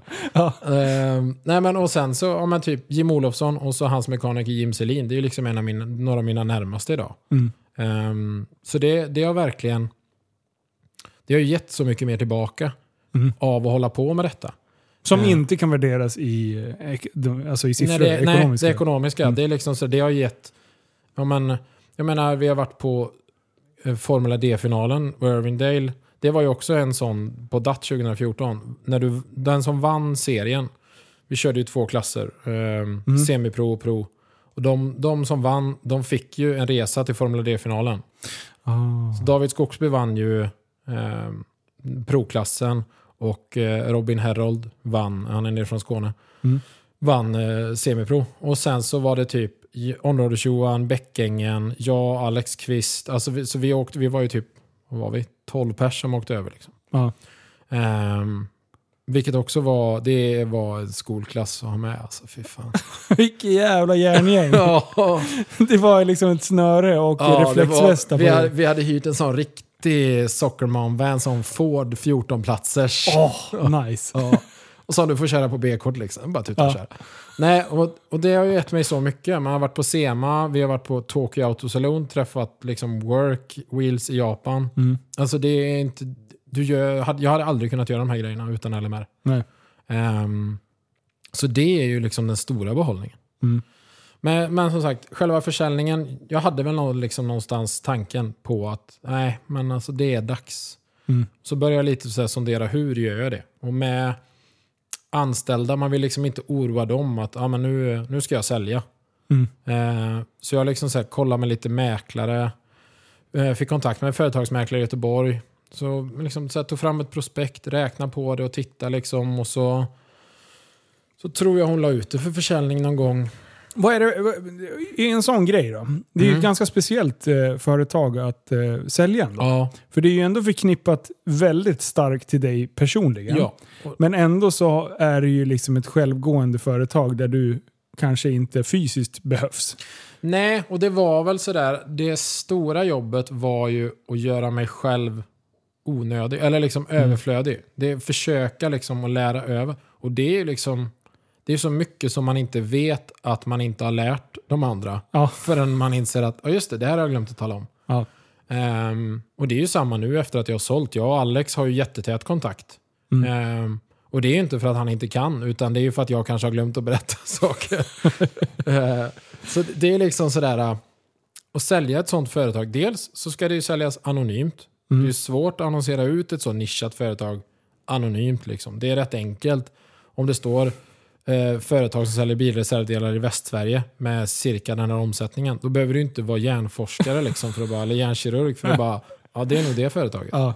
Ehm, och sen så ska du ju liksom, hur, pris, hur sätter man pris på en sån här grej? Ja. Ehm, så det var mycket det. Men då hade jag ju även eh, köpt Radio Power. Det är också lite kul när jag säger att jag funderar på att sälja grejerna eh, 2018, 2019 och så köper jag Radio Power 2018. Så att, eh, Och för folk som inte vet vad det är, till exempel jag för en och en halv timme sedan. Jag har ju bara sett loggan. Jag, Ja. Om någon hade sagt så här. A. Är det en energidryck? B. Säljer de bildelar? C. Prostitution? Eh, så är det faktiskt C, prostitution. Exakt. Eh, I alla fall Andreas drev. Nej, eh, nej, men det är ju eh, Andreas Hedström som också är en av mina närmare vänner nu idag. Eh, och Olle som jag har glömt namnet på. Men de två startade här 2004. Mm. Och sen har de kamperat ihop rätt så länge. Jag tror att Olle slutade, jag vet inte riktigt hur länge sedan det var, men i alla fall sen även Tokan, eh, känd bilbyggare. Nu driver han ju Stockholm Speed Industries. Japp. Eh, och jobbat åt Andreas i många år liksom. Åkte förbi där i söndags. Mm. Jag bara, den där loggan känner jag igen. Ja, ja, de har ju, det är ju också hatten av. Så jävla vad han satsar. Ja, Eh, sjukt. allt in-house liksom. Ja. Men i alla fall, han jobbade åt Andreas. Eh, de hade ju då, de var också tidiga på driftingen. Det var liksom så här party. På gatubil så var det Radio Powers trailer liksom. De hade ju trailer och eh, racingteam och hela kittet tidigt. Ehm, och sen så knöt de ju till sig K-sport väldigt tidigt. Mm. Som svensk generalagent liksom. Och K-sport gör... Luftfjädring, bromsar, coilovers. Ja. Ehm, och Andreas och jag, liksom, ja, men vi har ju lärt känna varandra under tiden. Vi handlar en del K-sport och framförallt lite ljus. Han var väldigt stor på belysning och spridare. Spridare var han typ en av de första med att sälja allt det jag har hemma på lager i, i många olika varianter. Liksom. Mm. Nu har ju typ BIP Race tagit den marknaden helt. Liksom. Mm. Ehm, men ehm, vi, ja, men liksom, vi har haft kontakt under tiden och sen så har vi, ja, men, det var, vi satt faktiskt på Clarion Sign i Stockholm och käkade brunch. Mm. Eh, druckit lite för mycket. När Andreas bara, jag funderar på att sälja, ska du köpa det eller? Jag bara, ja, ja det ska jag fan göra. I stort sett. Eh, och sen så... Det var ingen företagsmäklare där inte. Nej, Nej, men han hade, då hade han ju ingen anställd längre, för då jobbade inte Tokan kvar. Så han var ju mer sån här, han kan vara öppen med försäljningen. Ja. Men han hade inte annonserat ut det och orkat ta tag i det. Och så blev det så här, ja, nej men vad fan, vi köper det. Liksom. Mm. Eh, så gjorde vi en deal och så tog jag över det i juni 2018. Och det är sådär, absolut, det var en leverantör men samtidigt en konkurrent till LMR.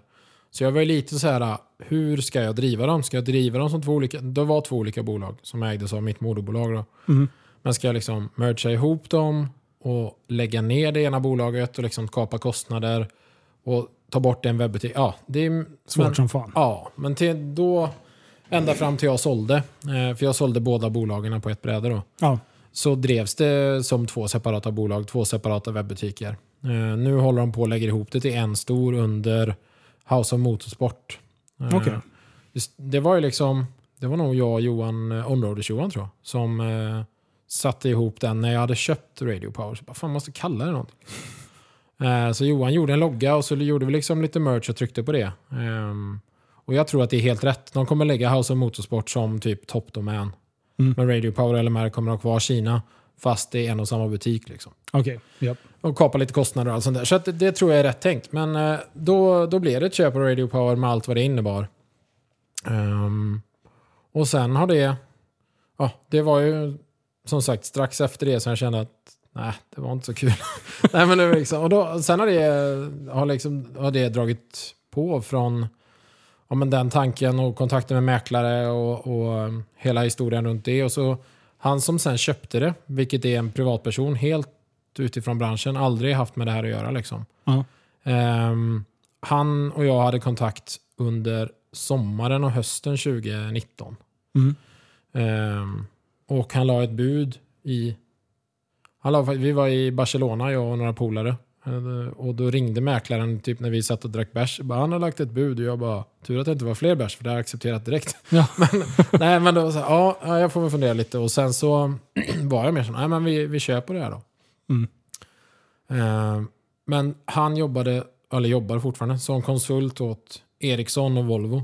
Mm. Och då, precis när vi liksom kom lite längre och började titta på detta, så då var vi inne i januari, februari 2020. Och då kom ju den här sköja lilla coviden. ja, den har jag inte hört talas om. Nej, den har ingen hört något om. Ehm, och det, och då, ehm, det, de jobbar ju med Kina som jättemarknad. Ja. Vilket innebär att hans timmar på Volvo blir jätteosäkert. Han var så här, jag vet ju inte ens om jag har mitt jobb kvar. Nej. Så då drog han tillbaka budet. Och jag var mer sån här, ha, skit, då blir det inget då. Alltså då, ja vi får köra på och se vad det blir. Mm. Och sen fram i maj så hörde mäklaren av sig till honom igen och bara, vad har du funderat mer? Och då hade han liksom fått fast på Volvo igen och stadgat allt om man säger så. Mm. Sen hade vi en lång förhandling över hela sommaren. Eh, och så landade vi i det. Så, så um, 15 september tror jag vi skrev avtalet. Eller jag var inte ens på plats. Mäklaren skrev avtal med min fullmakt. Mm. Så det blev bullet i kaffet ändå. Eh, nej, och sen jobbade jag kvar fram till sista februari i år. Mm. Så det... Fy fan. Mm. Hur, eh, hur var det då? Alltså jag tänker mer på ett eh, känslomässigt och eh, liksom... Eh, hur, mådde, hur mådde du psykiskt efter en sån här grej? Alltså, det tog nog ett tag innan jag riktigt så förstod. Alltså, Ja. Sen är det så här, visst absolut, det var bra betalt, men det är inte så att jag bara, gött, nu lever vi på räntan, jag ska åka och köpa en lyxbåt. Ja. Eh, utan det är mer så här att det blir två bullar till kaffet idag. Ja. Nej, men eh, det, självklart så var det, det var mycket att ta in. Det var sådär, uh, fan, Ja, för, för du har ju ändå jobbat, som du säger, mm, mycket. Det, Ja. du, varför jag ställer frågan, det är ju typ som eh, en del som går i pension känner. mm. Att Jo, man bara var- krigar, krigar, krigar och sen bara vaknar man upp och en dag, vad fan, nu duger jag inte till någonting. Vad ska Nej. jag göra idag? Liksom? Ja, men det var lite sådär, man bara, sen hade vi inte satt någon liksom sådär när jag skulle sluta. Det var inte Okej. bestämt. Kanske var bra. Ja, men jag var mer sån här, ja men jag kör på till sommaren 2021. Då Ja. vill jag sluta liksom. Ehm, och sen, sen var det mer som bara, ja, vad fan ska jag göra nu? Och så började jag liksom sådär, uh, ja men jag tog ut, tog ut uh, polarna på middag liksom. Nu är det som så här, för det var liksom, ja men nu ska ni få reda på något för alla andra. Eh, Ja, du hade inte gått ut med Nej. den? Okej. Mm. Först pratade jag med, med de anställda och sen, ja, jag hade pratat med, jag hade bollat med några vänner liksom. Mm. Ehm, och sen eh, tog med polarna ut och bara, eh, jag kan stå för eh, drickan. Nej men liksom sådär bara, nu har jag sålt det och nu kan vi fira lite grann. Mm. Eh, och sen så var det mer såhär, men vi kör på som vanligt. Alltså, ehm, och, och samtidigt så bara, ja men dealen var att jag var, ville vara, börja vara ledig fredagar liksom. Mm. Så det var jag egentligen direkt från första oktober. Japp. Ehm, och det var mer så under den här fredagen, det var ju där fram som jag började spåna lite på här med paddelhallen sen då. Ja. Ehm, Bubbel-Janne. ja, vi kommer dit snart. ja, Vi har bara börjat. ja, precis. Nej, och sen... ehm, ja, men vi hade egentligen, jag sa det att efter årsskiftet så vill jag gå ner och vara ledig onsdagar också. Bara Mm. köra tre dagar i veckan. Ehm, så det gjorde vi. Men sen fram i typ slutet på slutet på januari. Så då den nya ägaren bara Nej men jag tror att eh, du kör februari ut och så, så, så klarar vi oss själva sen. Jag bara ja, ja absolut. Det kom plötsligt. Det var liksom Det var inget som Vi har inget otalt och inget sånt utan han kände bara att nej men nu kör vi det här på egna ben liksom. Mm. Jag bara absolut. Det var bara, då, då blev det verkligt. Alltså Ja. nu har jag en månad kvar. Sen slutar jag för alltid liksom. Ja. Då var det så här, jaha, vad fan gör jag nu då? Ja. Så då var det så här, ringde Johan bara, "Ö, kan vi spela in en sån där avslutningsfilm? Ja. det var typ, var typ det jag bestämde. Ja. Eh, nej, och, och sen, eh, då hade jag ju börjat jobba hårdare med, med hela paddelsatsningen och alltihopa. Men så sista, sista februari så var det tack och adjö. Mm. Mm, ja. Och sen eh, har jag ju haft sporadisk kontakt. Jag har varit ute, de har bytt lokal också. Vilket är jättebra för det behövde de. Mm. Ehm, och sen har jag varit där titt som tätt. Liksom så hjälpt till med frågetecken och liksom, ja men hjälpt till där det har behövts. Ja. Ehm, för det är självklart, det är mycket frågor som kanske kommer upp. För det kan vara en sån, ja men den här köpte vi för, från för ett halvår sedan. När Mm. jag fortfarande jobbar där. Hur fan gjorde, gör man nu då? Ja. Ja, ja men då pratar ni med den här och den här. Liksom. Mm. Så mycket med, med det praktiska. Liksom. Mm. Ehm, så sen är det så jättekonstigt att se någon annan driva mitt företag. Precis. Ja. Men eh, det, det är ju så det är. Nu är det inte mitt längre. Nej. Ehm, nu är det, nu är det LMR Invest, inte Långe Mikael. Nej. Ja, vad sjukt. Det Mm. där är ju, det, det är ju ändå liksom... eh, Det där är ju eh, steg ett i liksom företagande Mm. på det sättet. Du har ju liksom gjort, du har gjort en exit. Ja. Det är coolt. Alltså, ja, och det är ju sådär... äh, nu har jag gjort en exit från något som har varit mitt ja. sen barnet liksom. Nu är jag mer sån här... äh, Nu skulle jag nog inte ha så svårt att göra en exit i något annat. Alltså startar jag upp något nu Mm. så kommer jag nog snarare ha en må ett mål att jag vill göra en exit. Ja. Det är det som är tanken. Jag vill driva upp det till den här omsättningen. Absolut, ja, men ha kvar det och tjäna mer pengar. Bara, ja, fast jag vill köra till den här gränsen, sen säljer vi. Ja. Och det är liksom det snarare vad utmaningen är nu. Nu spelar det inte så stor roll om man om det är tjänster du håller på med eller om du säljer något på nätet. Och det var lite det som blev med den här paddelhallen. Jag hade ju sen, absolut, jag hade inte kunnat bygga den om jag inte hade sålt LMR för att jag behövde finanserna. Liksom. Ja. Ehm, men nu är man ju mer sån här, vad, nu vill man hitta på nya grejer. Ja. Nya webbutiker, nya samarbeten, allt sånt här. Liksom. Så paddelhallen, den är igång. Ja, sen 2 juni. Mm. Så det är snart en månad. Och det snurrar bra.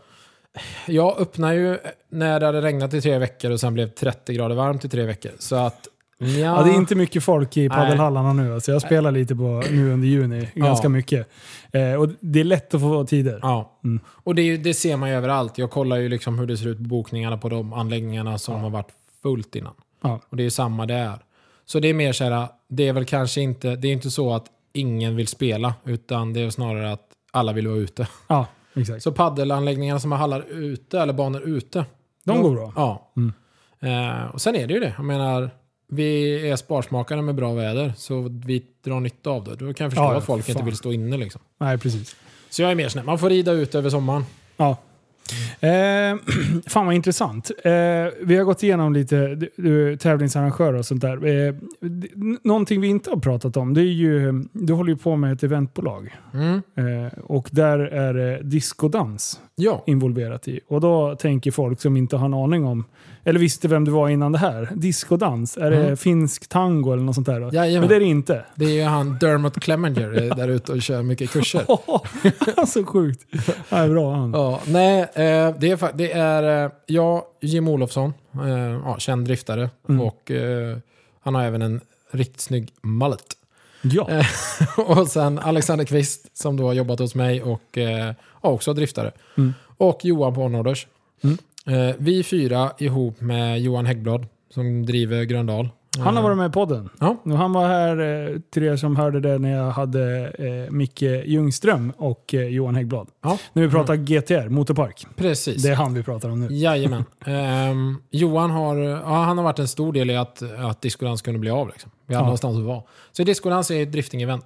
Alltså ett drifting-event återigen, så som vi vill att det ska vara. Där det är mer viktigt med stilen på bilen eh, än ja, vad vi absolut ska kunna köra. Men, men det är mer sådär, det ska vara gött häng, eh, lite grill på kvällen, lite sådär. Alltså mer sådär ett chill-event.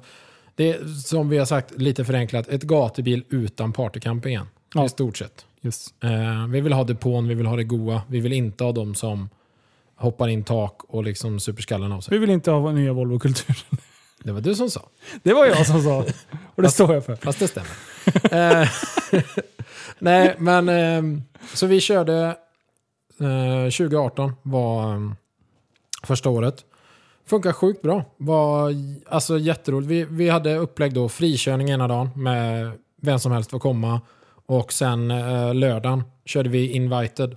Bara vi bjöd in, eller ja, du kunde ju ansöka också, men, men vi liksom så här, vi handplockade då 25 stycken, jag tror vi sa det, satte det till 25, men jag, vet, jag tror vi höjde lite sen. Men 25 stycken pro-drifters, alltså mer tävlingsdriftarna. Och 25 stycken stance drifters, alltså med gatuåkarna med fet, riktigt feta bilar. Bra stil på bilarna. Ja. Eh, och där har ju varit, det är liksom så, Alexander Kvist eh, sköter barn. Han är ju, han, hans, både gamla S14 och, eller hans S-chassi, nu blandar jag ihop, men han har en S13 nu. Ja. Eh, tror jag. S14, skit, nu kommer han bli jätte... Någon, ja. Ja. Han, Hans har, nu, han hans sa det innan, han bara jag skiter i vad han har för bil. Hans nuvarande S-chassi. Eh, jävligt fett. Men i alla fall, han är ju... Men du vet inte vad det är för något? Okej, jag fortsätter. Ja. Men jag kommer fan inte ihåg, för fan nu skäms jag ju. Det måste vara en S13 han bygger på nu. Nu ska vi tänka, han hade den... Nej, nej, Jo. nej, du får inte tänka. Kör jo, nu. det är det. Kör nu. Det, det är en S13. eh, kanske. jo, det var S14 förut, S13 nu. Okej. Men i alla fall, han är ju sån riktig japansk eh, driftingstil. Alltså lågt, fitment. Eh, och det var lite det halva, halva grejen med eventet. Att Mm. försöka få det. Eh, style is back liksom. Mm. Ehm, och det körde vi 2018 på GTR. Då var jag där. Ja, då körde ni pausunderhållningen. Ja, precis. Eh, Skitvarmt var det. Ja. Jävlar vilket bra väder Mm. vi hade. det var bästa, som, Det bästa var så här helgen på tre vändor fram och tillbaka. Sen bara, fan vad varmt det är mellan benen. Då bara kokade hojjäveln. Ja, det, var, det var bra. Mm. Ja, bra nej. hetta där. Så det var, eh, ja, det var riktigt roligt. Det gav liksom mer smak. Och sen 2019 körde vi en gång till. Sen Mm. kom ju... Sen till 2020 så kände vi... Dels började GTR få krångligare arrangerad drifting och sen med hela deras satsning så visste liksom inte Johan. Plus att vi var så här, "F- vi börjar växa ur, det börjar bli lite för tajt. Mm. Ehm, så redan i december 2019 så ställde vi in 2020. Så vi var ju före corona att ställa in, så vi Ja. var först. Ja, bra. Eh, vi var först med att ställa in, Ja. riktigt. Ehm, och eh, så sa vi liksom så här, ja men till 2021 kör vi. Sen höll ju allting i sig. Vi vågade liksom inte satsa Nej. till 2021. Så nu är väl tanken att 2022 köra igen på en ny anläggning. Det hänger lite på om de får igång det i Lidköping, för det är nära, nära oss om man säger så. Mm. Förutom för Jim då. Ehm, Allt är långt Ja, allt Jim. är långt vi. Mm, eh, så vi får väl se. Vi, det, det är Mm. ju det är så här, ett, ett roligt event. Det är hela tanken med det. Mm. Hålla fokus på bra häng, bra körning. Inte så mycket runt omkring liksom. Nej. Nej, coolt. Mm. Frän grej att våga liksom... Eh, lite, det, det har du gjort flera gånger nu med, med DAT också. Att eh, man, man tar ett event och sen så gör man det som man skulle vilja ha det själv. Och Ja. det är lite det som går i linje med eh, även när du gjorde de där handtagen. Ja, Alltså det är så här, du tar någonting och sen utvecklar du det till, till det som du skulle Ja. vilja ha det. Liksom. Sen får det kosta lite vad det kostar vill. Eh, ja. Jo, men Ja. det är ju dyrköpta läxor, men samtidigt så här, kontaktnätet man har fått har gjort att nu efter när jag sålde, så vi har liksom så här, eh, jag har ju många, framförallt nu så är jag mer sån här, jag samarbetar gärna med någon. Det, det är det man har lärt sig, att driva bolag eller driva satsningar ihop med andra kan nästan, för att LMR har jag ju alltid ägt och drivit helt själv. Mm. Alltså absolut, både Johannes och Alex har varit nära, ja, men som, som en högra hand liksom, alltid funnits där. Mm. Ehm, och det är också en sån parentes, det kan man ta uh, nytta till sig att jobba ihop med en kompis är inte lätt. nej, det, Det är verkligen så. Det, det, det har jag märkt främst på, på min och Johannes relation. Nu är han helt okänd för många som lyssnar här. Liksom. Mm. Men det var verkligen så här, när han slutade hos mig så blev vi bra vänner igen. Innan Ja. så var vi chef och anställd även när vi sågs privat. Liksom. Mm. Så det är, något, det är något jag tar med mig. att Ska man jobba ihop med någon nu så kör man, även om man är vänner, så kör det på lika villkor. Liksom. Man har samma ansvar båda två. För då blir det inte riktigt... Då, man behåller fortfarande den vänskapliga relationen. Liksom. helt rätt. Nej, så... så ehm, ja, men det är ju det man har lärt sig när man har hållit på nu. Att det är roligare att kunna vara lite fler, dela på det. Eh, och satsa på nya grejer liksom. Ja, nej, för fan. Det, det är bra. Jag har en grej som, eh, som eh, jag är lite nyfiken på, lite som vi skulle kunna prata om. Som, det här är så här svårt att ta på, men om man pratar varumärkesbyggande. Eh, och jag har varit inne lite på, på Volvo-maffian och, och, och lite sådär. Alltså hur, hur ett märke liksom kan ta fart och under en, under en uppstart liksom få en jävla skjuts uppåt. Och där var, pratade vi lite innan om hur, hur du upplevde med LMR. Ja. Hur LMR liksom växte sig till något okontrollerat monster bland, eh, bland dina följare. Alltså, folk var så stolt över Ja. ditt företag. Ville folk sätta och betala för. Liksom. Kan du Ja. inte berätta lite om... Ja, men det, det, för mig är det ju typ det största kvittot du kan få på att det du gör. Det, man kan ju hålla isär det liksom. Ja, men som för, som för eran del, som eh, ja, TSB-podden och sådär. Då blir det mer merch för de stödjer för Yes. att de tycker det är roligt. Även om ni driver det självklart sådär, man vill ju ha någonting tillbaka.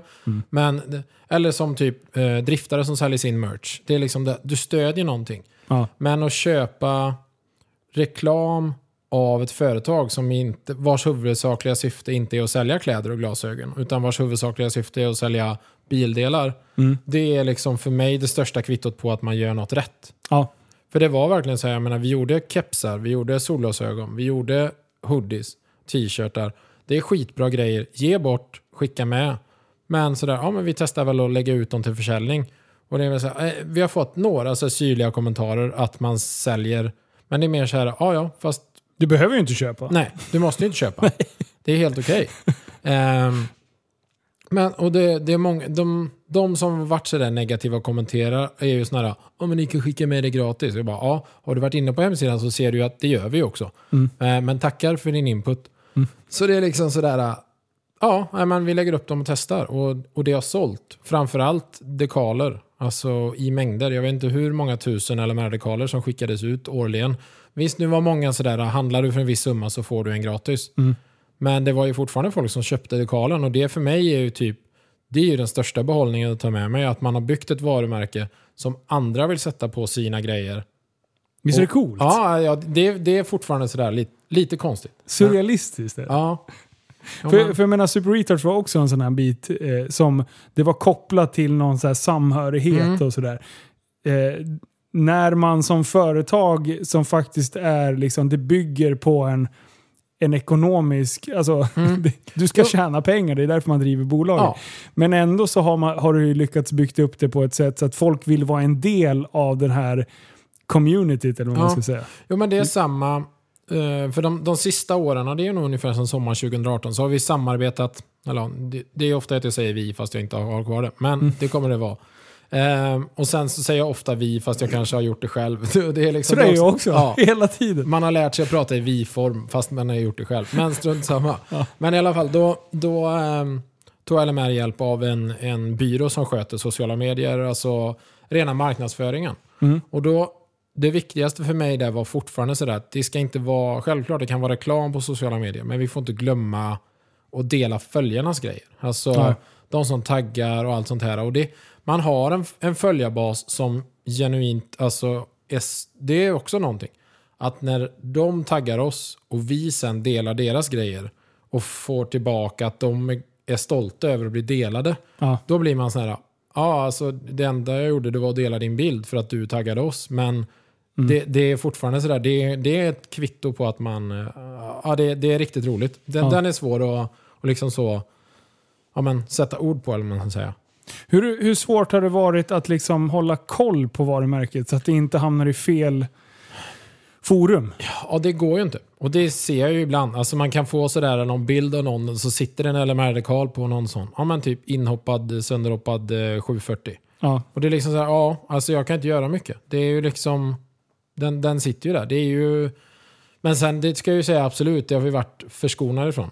Ehm, ja men det är liksom, loggan har synts i eh, typ Uppdrag granskning och Efterlyst, men i helt andra kontext. Efter, ehm, efterlyst, den är, den, är, den är rätt eh, risig den händelsen. Det var en kille som, han, han dog. Eh, eh, och på hans bil på, hemma på hans gård satte en dekal på bilen. Och efter att han dog så gjorde de, in, de fick reda på att han hade gått bort. Gjorde inbrott hos honom och snodde massa grejer. Ja, Det är så jävla ruttet. Och då står bilen utanför. Så de liksom panorerar med kameran. Ja. Och då ser man loggan.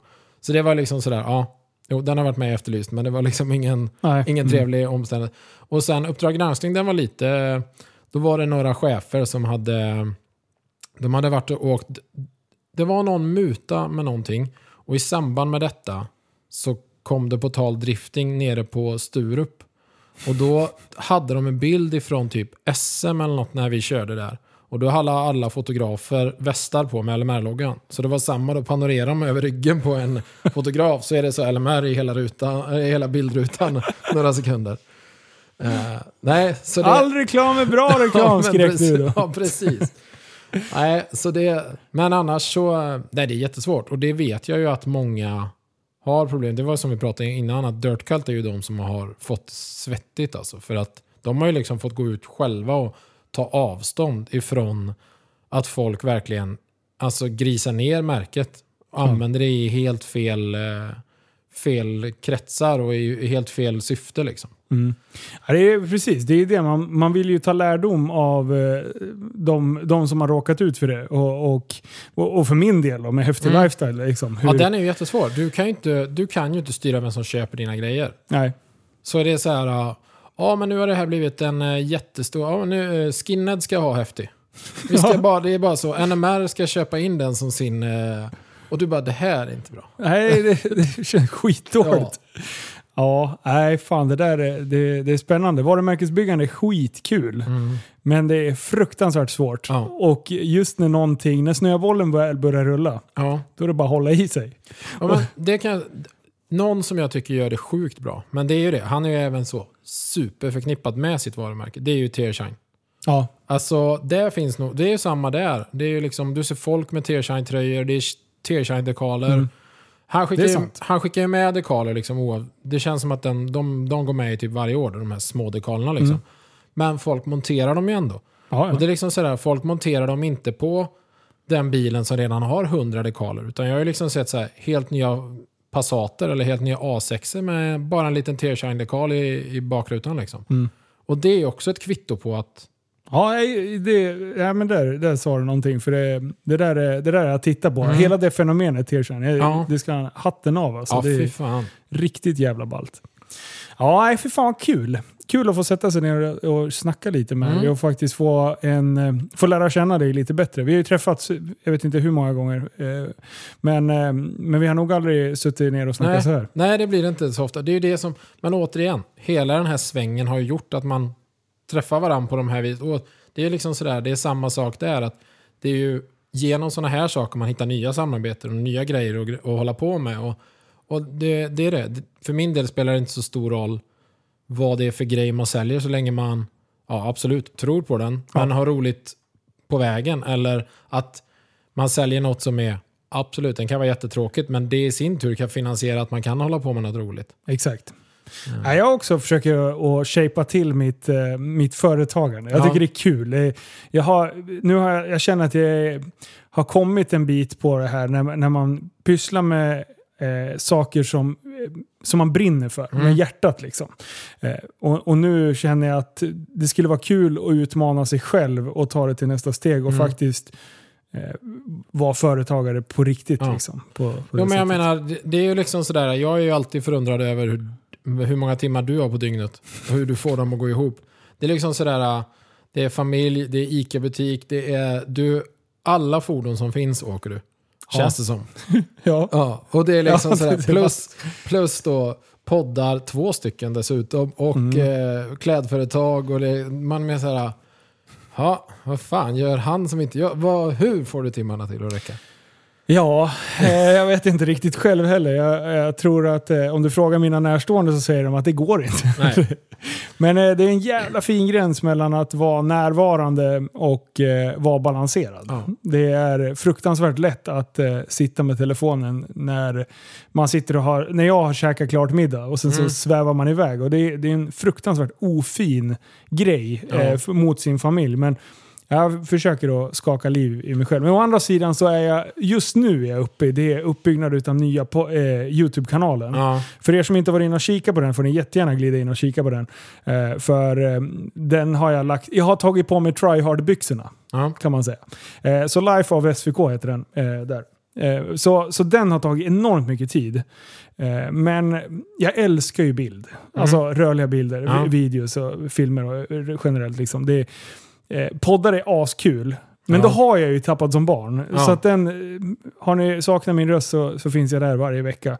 Eh, och den, den går bra. Eh, men just det där, jag saknade att filma. Mm. så då eh, så har vi kört den och det, det går bra. Den, den börjar få lite liv. Drog Ja. över 60 000 visningar på när jag köpte RS6. Ja. Men det är det är så jävla kul och det är det som är... Jag är ju sån här... Ja, men... Ja, återigen, jag har noll... Noll, eh, vad heter det, liksom... Jag, jag kan inte lägga band på mig när det kommer till att köpa saker. Okej. Jag är lite dålig Du på det där. shopaholic. Japp. Ja. Eh, stor sådan. Eh, skulle nog mina närstående säga. Men jag, i alla fall, så att jag tänkte ju att det är svinbra att köpa en kamera man kan filma. Så jag köpte någon sån här jävla vlogg, eh, digital kamera. Ja. Tänkte jag ska filma. Jag har filmat typ eh, 10 minuter max. Men någonstans har jag en tanke om att, men sen har jag insett, vad fan ska jag filma? Jag gör ju inte så jävla mycket spännande saker på dagarna. Nej. Så det är liksom sådär, men någonstans så finns ju det här också att, ah, fan det kan vara roligt att bara hålla på lite grann. Dokumentera för sin egen del. Mm. Börjar man där. För eh, det, det var så, därför jag började vlogga. Mm. Jag tänkte så här, skit i om någon annan tittar. Jag vill ha jag vill kunna tänka tillbaka på, fan Mm. kommer du ihåg när jag var uppe och flög bodyflight vid Ja. Stockholm? Ja, men bra, då kan jag gå in på YouTube för jag har en, Ja. vloggade när jag var där. Liksom. kan man återuppleva samma sak hela tiden. För Ja.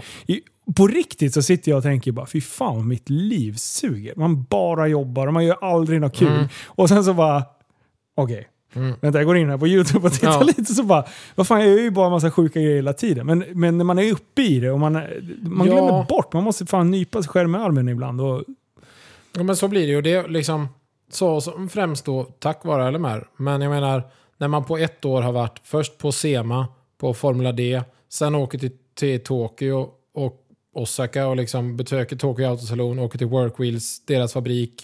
Mm. Alltså, då är det mer sån här, ja ja, man har det kanske rätt bra ändå. ja, exakt. det är liksom... Nej, det, är, det- värsta som är, är ju att gå ut på Instagram. För att det är fortfarande så här, men för er som har, eller som följer många framförallt, eh, någon av dem har alltid roligt. Ja, så är det. Mm. Men det betyder ju inte att alla har roligt. Men det är så det känns. Ja. För det är sådär liksom, ja, de har alltid kul, jag har aldrig roligt. Ja, fast en av de här tusen du följer hade roligt idag. De andra 999 hade astråkigt. Precis som du. Så att det är, liksom, det är helt lugnt. Men det känns som att alla andra gör roliga saker hela tiden. Och det är så jävla farligt de här bitarna. Det är verkligen så här, man måste fatta att Ja, och sen är det en fasad sociala medier hela den Ja, för cirkusen. fan. Liksom. För det där är ju, det där, jag får ju jättemycket bara, fan du jobbar ju aldrig på ICA och så här. Nej.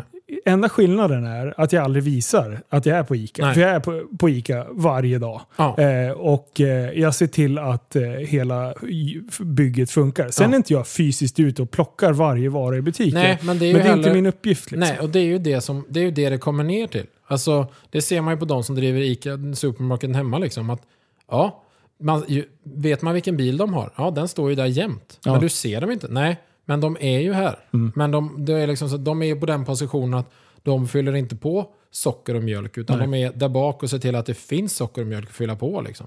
Och jag, jag har ju, det, det har ju varit, jag började jobba i butik när jag var 14 bast. Mm. Eh, då började jag jobba helger. Liksom. Eh, och sen när jag jobbade varje, varje vardag eh, innan skolan så var jag plocka mejeriet innan jag gick till skolan. För Ja. då kunde jag åka med farsan till det området. Sen gick jag i, i skolan på samma område som... Ja. Jag ska dra en hel podd där jag ska faktiskt eh, bli intervjuad som jag har intervjuat Ja. dig nu. Så att jag får gå igenom hela eh, mitt liv från A till Ö tänkte jag säga. Det är fan Ehm, kul. Så det, det ligger, det, avsnitt 50 funderar jag på att göra det. Jag vet inte vad fan jag är på nu. Eh, men, eh, jo vad skulle jag säga? Jo, eh, så att butikslivet har jag ju liksom gjort. Jag har gjort allt möjligt konstigt. Mm. Jag man blir mättad. Jag kan det där nu. Sen är det ju det här, när företaget växer, att du som företagare växer handlar ju om att du ska lära dig att delegera. Exakt. Och det var ju sådär, det var jättesvårt för mig när jag skulle sluta hålla koll på det som andra gjorde. Och det är den största utmaningen. Mm. För som företagare är du i 99% av fallen kontrollfreak, för det är ju ditt företag. Mm. Och det är det så här, när du lär dig att delegera och framförallt när du har medarbetare som löser det och du kan lita på dem. Det är då det blir ett bra företag. Ja. Och jag menar, skulle du springa runt och kontrollera vad alla dina anställda gjorde på ICA så skulle du inte göra något annat än att springa runt och kontrollera vad de gjorde. Nej. Och då hade du i slutändan inte behövt dem. Men Nej, då hade du i slutändan inte hunnit med det du ska göra. Nej, precis. Så det Så att, äh, jag är fantastisk. Min butikschef, jag är fantastisk. Min butikschef är fantastisk och min personal är fantastisk. För ja. eh, jag har verkligen så här, men vi alla ska kunna allt. Mm. Sen är det, är det min butikschef som, som styr allt. Ja. Och jag, hon har avrapporterat till mig och jag pratar direkt med henne. Liksom. Ja. Sen är jag bara där som gubben i lådan. Liksom. Jo men det är fortfarande så här att du är ju ändå där och det är ju liksom... Ja, nej, men, nej, men jag har inte sett att du var där. Nej, men du är ju heller inte på lagret. Så att Nej. det, det är ju det här, det, det är så mycket som sker som folk inte ser liksom. Ja. Så det, ja, det är, sen är det sjukt kul med företagande. Det är utmanande. Ehm, och sen är det så här, det, det, man tittar, ja men typ som eh, att ta JLC eller vad som, eller Therese Lindgren eller som Ja. säger bara, ja de är så himla lyckade. De bara, ja fast det är timmar bakom. Det är så jävla mycket timmar bakom. Ja. Jag menar, vad gör Therese? Gör hon så här två, tre videos i veckan? Mm. Det är lite klippning och det är liksom sådär, ja absolut att det går på rutin och hon kan det, men Mm. det är så mycket. Det är så mycket som... Och även om hon anlitar redigerare Ja, så ska ju fortfarande det Kom- det ska filmas. för hon filmas, ja. filmar det själv. Liksom. Ja. Hon lägger upp en plan. Och, ja, jag har ju gaddat på, jag har ju eh, en lista som jag lever efter. På, Mm. Tatuerad på låret så att jag ser det. Eh, och längst ner så står det work smart. Det, det, hela tiden. Är det här det smartaste sättet att göra det? Oftast vill man ju ut och göra allting själv. Bara, nej, det är det faktiskt inte. För då blir jag upplåst och då hinner jag inte göra de andra grejerna. Nej. Och då fallerar ju flera andra saker för att jag prompt vill göra just den grejen perfekt. Ja, Men många gånger kommer det ner till det att om du liksom har sett till att du sätter rätt person på rätt plats eller att du själv inser, men det är som nu då. Det, det är ju ja, men precis nystartat. Jag har ju börjat hjälpa Roadaware, alltså Onroaders, Johan Mm. och Micke. Eh, och sköter all logistik på deras webbutik. Mm. Och det är ju för att, inte för att, ja, man, vad ska man säga, ja absolut, jag kan, jag kan mycket, men jag kan även packa ordrar. Nej, men Ja. Det är mer sådär att Johan och Micke ska inte packa ordrar. Nej. De ska göra så mycket annat som de är bättre på. Mm. Och då är, det så här, då är det bättre att lägga ut det på Mm. någon som liksom säger, ah, nej men jag sköter den biten, se till att lagret är inventerat och. Och då, det är så här att du kommer ner till det här att, ja men den här funktionen ska du ha, du ska inte göra de här bitarna. Nej. Även om du kan dem så är det bättre att du låter någon annan göra dem. Exakt. Och beredd att hoppa in när det Ja. kör ihop sig. Fy fan vad kul! Du, tack snälla för att du kom hit. Du, det, tack själv. Det är bara kul. Hur lång tid eh, tar det att åka hit? Tre och en halv timme typ. Det är fan dedication. Ja, ja men vad fan. Det är skitbra. Men du, eh, eh, vart, eh, om man vill följa dina spektakel, vad, vad heter Alltså- du på Instagram? Jag heter ju Lange Mikael, men jag har en privat profil där. Ja. Jag är så himla tråkig. Ja men det är bra. Ja, det blev eh, sen... eh, Ja, men jag startade upp den när LMR verkligen bara blir jobb. Liksom. Ja. Och sen har jag känt att jag har liksom inte så mycket att visa. Eh, så att jag kan lika väl vara privat där. Men man kan säga så här. Det kommer dyka upp fler pro projekt Ja. i framtiden. Jo, men det finns grejer alltså. Sanna mina ord! Jajamän. Bubbel-Janne från... Ja, vi har saker på gång. Sollebrunns paddelcenter kan man ju följa. Ja, Mm. det tycker jag. Där kan ni ge en stödlike. Det är inte så mycket där, jag har inte jobbat stenhårt med deras. Men eh, det är ju liksom sådär, det är Sollebrunns paddelcenter, sen håller jag på med lite små grejer också. Men eh, Du, jag ska ner och spela padel hos dig någon gång. du är så välkommen. Jag ska Så. smasha som min chef. Ja, det är helt rätt. Men du, tack för att ni har lyssnat så Ja. hörs vi igen eh, nästa avsnitt. Och det vet man inte när det kommer. Det får bli lite sporadiskt. Det är som en bonus. Det får bli en bonus. Ja, det är bra. Du, ha det bäst. Ha det fint. Hej. Hej.